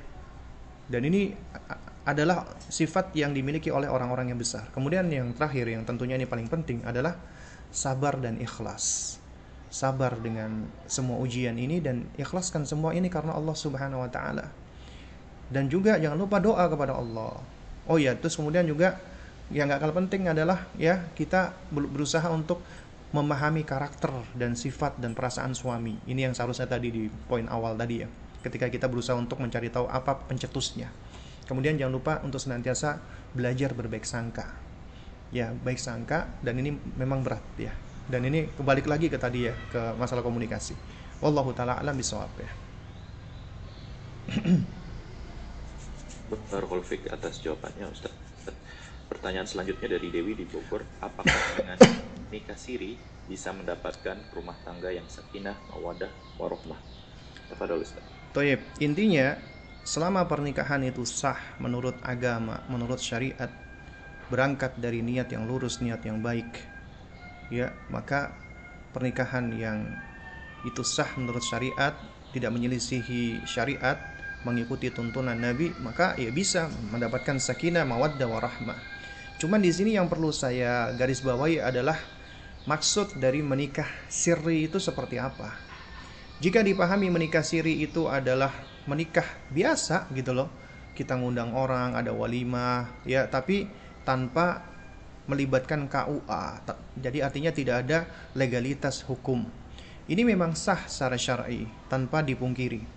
Tapi ya ini bisa mengandung madarat ya karena tidak ada perlindungan hukum jika terjadi sesuatu di kemudian hari. Betapa banyak mereka yang menikah siri kemudian suaminya itu ya uh, apa namanya tidak bertanggung jawab bahkan melakukan KDRT dan yang semisalnya ya karena kan yang yang bisa untuk untuk apa? Untuk mentalak cerai itu suami. Ya istri hanya bisa menuntut menuntut cerai ya. Ya itu yang bisa dilakukan oleh istri. Nah untuk menuntut perceraian di negara hukum maka pernikahan itu haruslah pernikahan yang tercatat secara hukum legal di negara tersebut. Oleh karena itu wanita yang dinikahi siri itu dia akan kesulitan ketika dia hendak menuntut cerai dari suaminya. Misalnya suaminya udah nggak pernah ngasih dia nafkah lagi gitu kan. Ya kenapa? Karena karena tidak ada legalitas hukum. Ini madarat atau yang dimaksud misalnya nikah siri itu adalah nikah diem-diem. Supaya nggak diketahui sama orang lain sama keluarganya sama istri yang apa istri yang sebelumnya atau istri pertamanya ya. Ya Nah ini juga nggak baik ya, ya. Ini juga akan bisa menimbulkan konflik di kemudian hari. Atau jika dimaksud nikah diam-diam itu ya intinya nikah, ya, tapi dirahasiakan, ya tidak diberitakan. Ini juga pernikahannya apa kehilangan dari apa namanya dari makna. Kenapa? Karena seharusnya ketika menikah ini adalah berita gembira yang harus diberitakan. Karena apabila tidak diberitakan, ini bisa menimbulkan fitnah. Kok tiba-tiba ada seorang wanita pakai pakai niko, pakai cadar, nggak ketahuan pernah nikah, hamil, ya, terus tinggal sama apa seorang laki-laki. Ini fitnah. Nah, hal-hal ini semua yang bisa menghilangkan ketenangan, ketentraman. Jadi insecure di dalam pernikahan, ya. Nah, oleh karena itu makanya kenapa harus nikah siri gitu loh Ya, kenapa harus nikah siri? Apa yang menjadi penyebab harus menikah siri? Apa alasannya? Ya. Nah, kalau misalnya alasan-alasannya misalnya oh karena sulit apa ngurusnya, masa ngurus masalah legalitas saja udah udah berat, apa yang mau diharapkan dengan kesulitan-kesulitan nanti di dalam pernikahan berikutnya gitu loh. Ya. Jadi ini harus dicari tahu dulu kenapa kok harus nikah siri meskipun itu sah secara syariat dan kalau dikatakan bisa nggak sakinah mawaddah warahmah bisa, tapi kemungkinan untuk sakinahnya itu apa namanya uh, terganggu itu sangat besar sekali. Ya. Akhirnya akan akan mempengaruhi mawaddah warahmah. Ya Allah alam ya. Barakallahu atas jawaban ya Ustaz. Selanjutnya dari Mayang di Lampung, Bismillah, Ustaz izin bertanya, dalam sebuah hadis Rasulullah memerintahkan seorang laki-laki untuk menikahi wanita yang penyayang dan subur. Namun jika qadarullah seorang wanita yang diketahui memiliki suatu penyakit di dalam rahimnya, apakah itu berarti seorang wanita tersebut tidak pantas untuk dinikahi? Pada Ustaz. Oh iya, jamaah sekalian menekan Allah ini adalah pertanyaan yang bagus ya.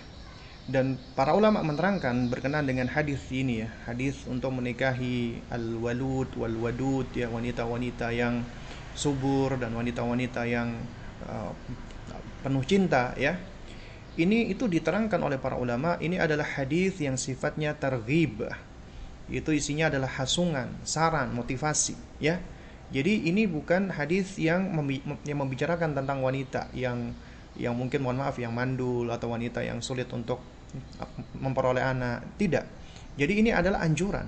Kenapa? Karena anjuran Nabi untuk memperbanyak keturunan dan di antara ya hikmah ataupun di antara tujuan pernikahan adalah kita bisa memperoleh keturunan karena itu investasi yang abadi buat kita. Nah, jadi suatu hal yang memang sifatnya ya secara asal idealnya ya hendaknya seorang wanita mencari laki-laki yang juga subur bisa memberikan keturunan dan juga seorang laki-laki hendaknya mencari wanita yang juga subur bisa memberikan dia keturunan pula ya.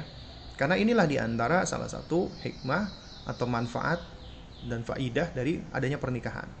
Nah lalu bagaimana dengan wanita yang ternyata apa qadarullah wa masyafa'ala itu dia Allah takdirkan misalnya nggak bisa punya anak atau ada sesuatu dari rahimnya atau ada penyakit ya Nah ini adalah bagian ujian dari Allah. Dan sekali lagi kita hidup di muka bumi ini kita nggak akan lepas dari ujian. Dan ujian setiap manusia itu berbeda-beda, ya. Itu ujian tiap manusia itu ber, bermacam-macam, nggak sama. Dan Allah ketika memberikan ujian kepada manusia itu adalah sesuai dengan kondisi dan manusia itu pasti mampu untuk melewati ujian tersebut. Ya pasti mampu. Ya. Kayak misalnya ada seorang yang ada keluarga yang ternyata ketika diberikan anak anaknya ya misalnya mengalami Down syndrome misalnya atau yang semisalnya ini ujian dari Allah ya. Dan juga ada keluarga yang pengen anak laki-laki tapi ternyata Allah kasih dia anak perempuan semua. Kemudian ada juga keluarga yang pengen punya anak perempuan tapi Allah kasih laki-laki semua. Itu semua adalah sesuai dengan ketentuan Allah takdir Allah dan apa yang Allah tentukan untuk diri kita itu adalah yang paling baik. Dan ketahuilah ya untuk untuk wanita-wanita yang misalnya memang ada suatu hal dengan rahimnya atau yang semisalnya ya maka Allah itu sudah menentukan pasangan bagi tiap-tiap makhluknya. Allah sudah tentukan bagi setiap manusia bagi setiap makhluk itu adalah pasangannya. Bahkan semenjak bahkan semenjak kita belum berbentuk sesuatu apa pun Allah sudah perintahkan kepada pena al-qalam, uktub tulislah, semuanya ditulis, termasuk pasangan kita. Allah sudah tuliskan semuanya. Ya. Ya, sesuai dengan ilmu Allah, pengetahuan Allah. Maka yakinlah ya, kita itu masing-masing kita Allah sudah tentukan memiliki jodoh dan Allah sudah tentukan kita memiliki pasangan. Yakin dengan apa yang Allah telah apa namanya telah tuliskan itu Allah apa sesuai dengan ilmunya Allah sesuai dengan pengetahuan Allah ya. Dan ingatlah ya uh, ketika Allah Subhanahu Wa Taala menentukan kita memiliki pasangan imma pasangan di dunia dan imma pasangan di akhirat atau di surga Allah. Bisa jadi ada seseorang yang mungkin Allah uji dia tidak mendapatkan pasangan tidak menikah di dunia. Ada ulama-ulama kita seperti ini ya. Di antaranya Syekhul Islam Ibnu Taimiyah rahimahullah. Ulama besar tapi beliau saking sibuknya dengan ilmu nggak sempat beliau menikah. Ya. Dan insya Allah taala ya dan dan kita berdoa kepada Allah agar Allah ya uh, apa namanya apa namanya membalas beliau ya dan juga menempatkan beliau ke janahnya di surga itu semua makhluk yang masuk surga manusia yang masuk surga pasti akan diberikan pasangan. Bisa jadi seseorang dia tidak diberikan pasangan di dunia tapi kelak nanti di akhirat Allah akan berikan dia pasangan di, di surga. Dan itu adalah sebaik-baik pasangan. Apalagi ya pasangan yang berkumpul di dunia dan berkumpul pula di akhirat. Itu adalah pasangan yang paling baik. Wallahu taala alam bisawab ya. Barakallahu uh, izin 15 menit lagi boleh Ustaz? Taib. Uh, pertanyaan selanjutnya dari Tia di Wonogiri. Bismillah, Ustadz, bagaimana kiat dalam memahami suami yang pendiam, kaku dan dingin?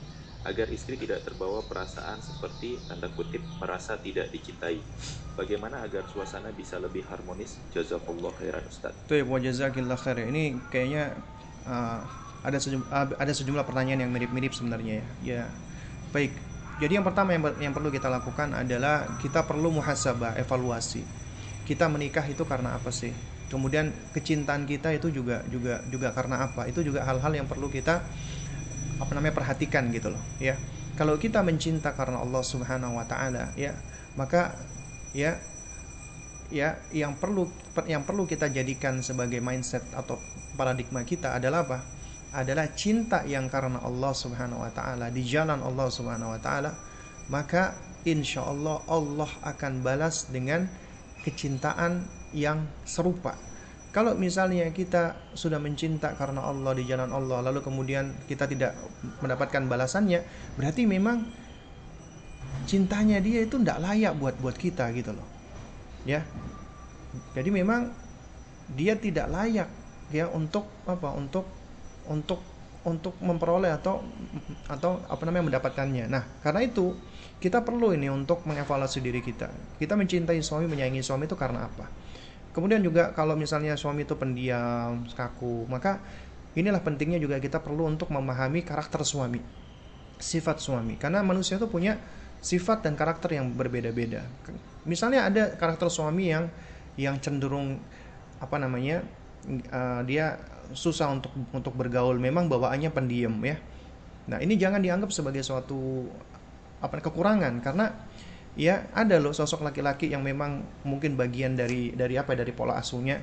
Dia nggak pernah di apa ditunjukkan atau atau dia nggak pernah di dalam keluarganya itu mendapatkan ekspresi cinta kayak dipeluk disayangi dan yang semisalnya. Akhirnya dia merasa dingin dengan hal-hal seperti ini. Nah ini pentingnya kita sebagai istri untuk bisa untuk bisa apa? Untuk bisa memperhatikan mengamati dan memahaminya.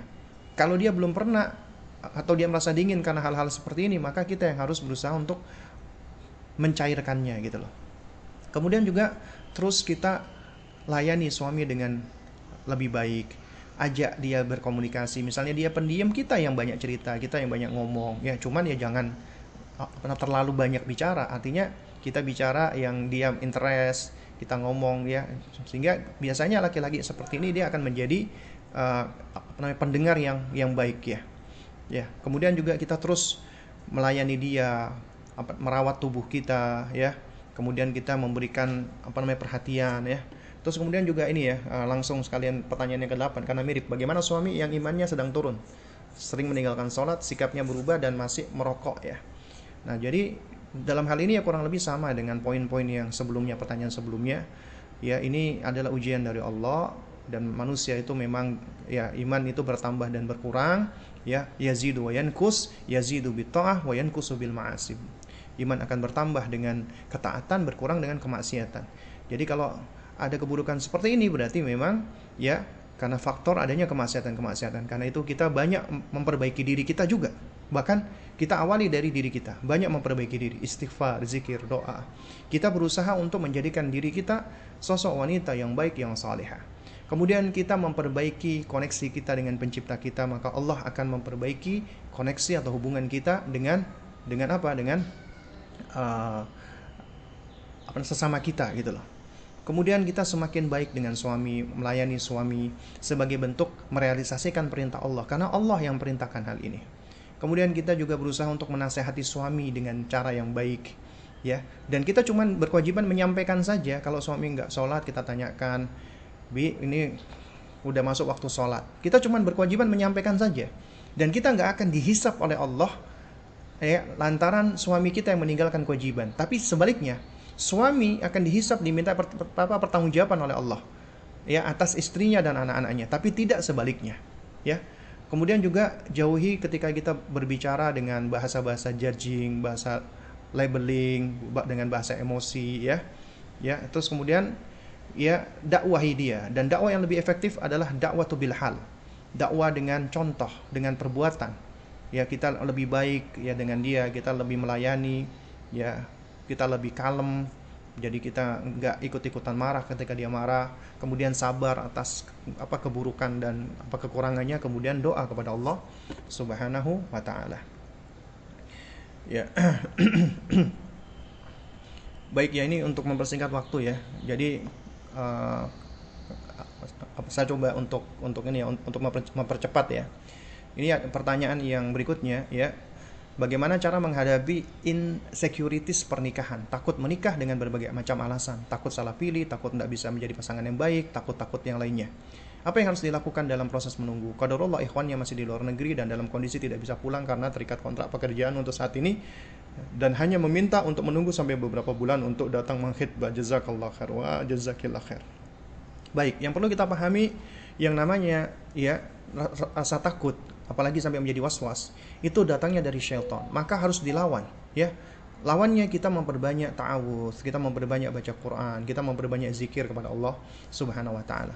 Terus kemudian juga ya hal-hal ini yang kadang-kadang membuat kita merasa ragu ya. Maka hilangkanlah keraguan itu. Dengan cara apa?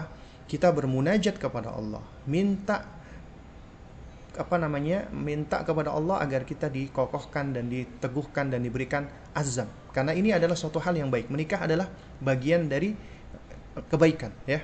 Kemudian juga bermusyawarah ya. Setelah bermunajat kepada Allah bermusyawarah kepada orang-orang soleh. Ya kepada orang tua kita ataupun kepada orang-orang yang kita percaya dan dia orang-orang yang punya pengalaman dan orang yang soleh.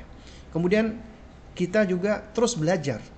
Ya khusus apa khususnya kita belajar fokus mendalami ilmu akidah. Ya baru kemudian yang lainnya yang paling penting dulu. Kemudian ke yang pentingnya termasuk tentang fikih-fikih pernikahan dan pendidikan anak. Lalu kemudian juga yang nggak kalah penting adalah kita turunkan ekspektasi kita. Karena nggak ada manusia yang sempurna kita pun tidak sempurna ya. Nah jadi kita pun kelak akan menghadapi ketidaksempurnaan atau adanya kurang-kurang dari suami kita. Karena itu kita harus menurunkan ekspektasi. Karena kita pun juga pasti memiliki apa nama kekurangan. Adanya kekurangan inilah ya ketika ya hamba manusia itu saling saling apa saling melengkapi, saling menyempurnakan, maka itulah indahnya apa namanya pernikahan.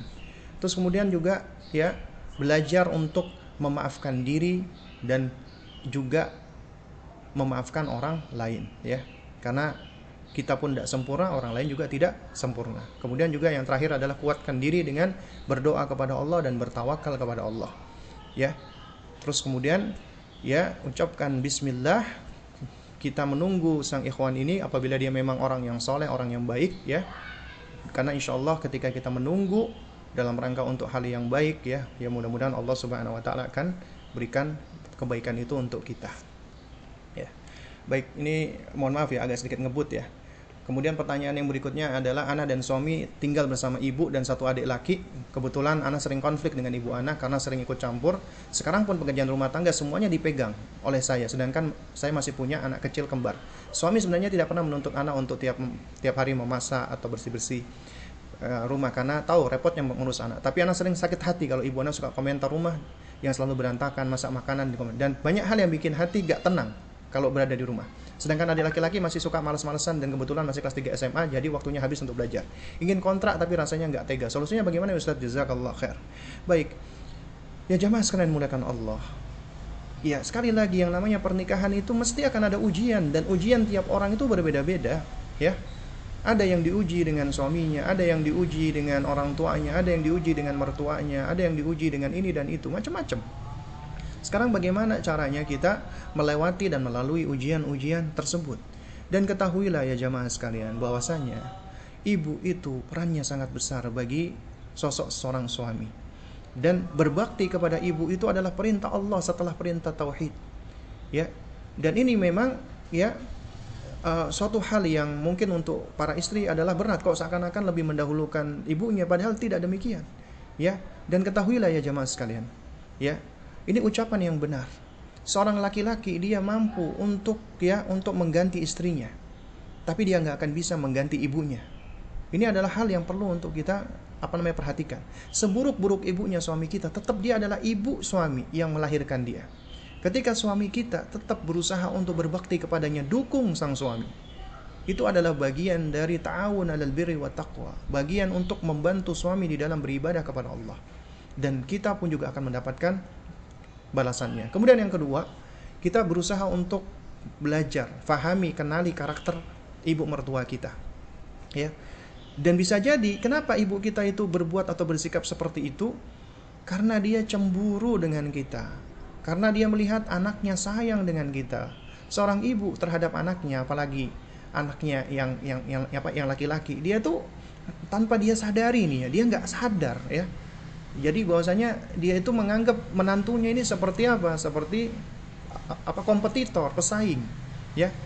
Nah, jadi bisa jadi loh yang namanya menantu itu lebih dewasa dibandingkan apa namanya mertua lebih lebih bisa ngerti tentang apa ya tentang kondisi ya nah jadi kalau misalnya ibu mertua anda melakukan hal-hal yang buruk apa yang dilakukan sabar ya kemudian juga pentingnya kita belajar yang namanya ini tuh apa namanya? Eh, tajahul. Tajahul itu artinya tidak ambil pusing. Bahkan ini ada seninya. Ya? Ya seni tidak ambil pusing. Seni tidak menggubris ocehan-ocehan orang perkataan orang. Kenapa? Karena kita itu tidak dibentuk tidak dideterminasi oleh perkataan orang lain. Meskipun itu adalah orang-orang dekat kita. Ya tapi yang bisa menentukan kita itu adalah adalah Allah Subhanahu wa taala dari amalan kita ya itu yang bisa menentukan. Oleh karena itu makanya kita nggak usah melihat pandangan manusia, nggak usah melihat ucapan manusia, kritikan manusia, ucapan manusia, ya. Kenapa? Kalau munas layantahi ucapan manusia itu nggak ada ujung pangkalnya. Apa pun yang kita lakukan, kita nggak akan bisa lepas dari yang namanya ya kritikan-kritikan siapa pun itu. Mungkin memang kita sebagai manusia, Ustaz, kan saya manusia, perempuan juga ketika mendapatkan ucapan gitu sakit hati saya. Memang berat suatu hal yang memang tidak dipungkiri, tapi ini suatu hal yang bisa terus dipelajari dan dilatih. Ya. Bisa jadi ucapan dia itu karena dia memperhatikan kita, ingin supaya kita bisa menjadi lebih baik lagi. Jadi bagaimana kita apa ya? Bagaimana kita menghadapi dan bagaimana kita menerima ucapan tadi? Apakah kita anggap itu sebagai sebagai kalau kita ibaratkan seperti batu-batu ya batu-batu yang kita letakkan di bawah kaki kita sehingga kita bisa melangkah ke atas ataukah batu-batu yang kita letak di apa kita letakkan di belakang kita di punggung kita yang semakin lama akan semakin membuat kita semakin jatuh apa namanya terpuruk. Nah, jadi jamaah sekalian yang yang yang di apa yang dimulaikan Allah Subhanahu wa taala menghadapi mertua itu kadang-kadang kita perlu tajahul. Gak ambil pusing, bukan artinya ngambil pusing kita cuek bebek enggak, tetap kita berbuat baik ya oleh karena itu ketika mertua kita misalnya tampak melakukan hal-hal yang suka mengomentari kita, mengkritik kita, ucapkan terima kasih ya ma, syukron, jazakillah khair. Kita tetap balas dengan kebaikan-kebaikan. Tapi kalau kita balas dengan wajah cemberut ini, itu malah nggak akan nggak akan selesai, malah ya kita tunjukkan dengan wajah ceria berat memang. Tapi apabila kita lakukan ini kembali lagi ke surat Fusilat ayat 34. Idfa billati hiya ahsan. Balas dengan cara yang lebih baik. Fa idzal ladzi bainaka wa bainahu adawa ka'annahu waliyun hamim. Ya yaitu bisa jadi ketika sebelumnya antara dirimu dengan dirinya itu ada permusuhan tiba-tiba menjadi sahabat yang dekat Kemudian juga muhasabah. Itu sekali lagi semua permasalahan kita perlu introspeksi. Bisa jadi ada perbuatan kita yang keliru, yang salah. Ya. Dan tetap kita harus berbesar hati banyak-banyak minta maaf dan banyak-banyak memberi maaf. Ini adalah akhlak yang mulia. Jadi jangan segan untuk meminta maaf, memberi maaf dan mengalah. Sekali lagi mengalah bukan artinya kita kalah. Bahkan mengalah itu menunjukkan kita sebenarnya memiliki kebesaran hati. Ya. Kemudian kita bersabar dan doa dan perlu kita ya untuk bicara ngobrol sama suami. Ya Allah taala alam Ini pertanyaan yang terakhir, masya Allah panjang ya uh, tentang rumah tangga Imam Ahmad bin Hambal yang dikatakan tidak pernah berselisih dengan istrinya Ummu Saleh selama 30 tahun dan para ulama lain juga memiliki kisah yang serupa. Apakah mungkin Ustaz membangun rumah tangga tanpa konflik atau sedikit konflik Ustaz? Bagaimana membangun rumah tangga yang seperti itu Ustaz? Mohon nasihatnya. Ya jamaah sekalian muliakan Allah. Kisah-kisah yang kita dapati dari para ulama ya, itu sebenarnya adalah memang riwayat-riwayat yang sampai kepada kita sesuai dengan zohirnya. Ya, dan ini sebagai bentuk nasihat tapi apabila kita perhatikan manusia yang lebih mulia dari Imam Ahmad, Rasulullah Wasallam itu konflik nggak dengan istri-istrinya? Ada masalah nggak dengan istri-istrinya? Ada masalah. Oleh karena itu ketika kita mendapatkan riwayat-riwayat seperti ini, ini adalah sebagai bagian untuk memotivasi kita agar kita berusaha untuk meminimalisir terjadinya perselisihan. Pun kalau seandainya terjadi perselisihan, siapa sih di antara kita manusia yang nggak yang nggak melakukan kesalahan? Nah, tapi sebaik-baik yang melakukan kesalahan adalah dia segera kembali bertaubat, bertobat kepada Allah dan apabila haknya manusia, dia bersegera untuk minta maaf, ya.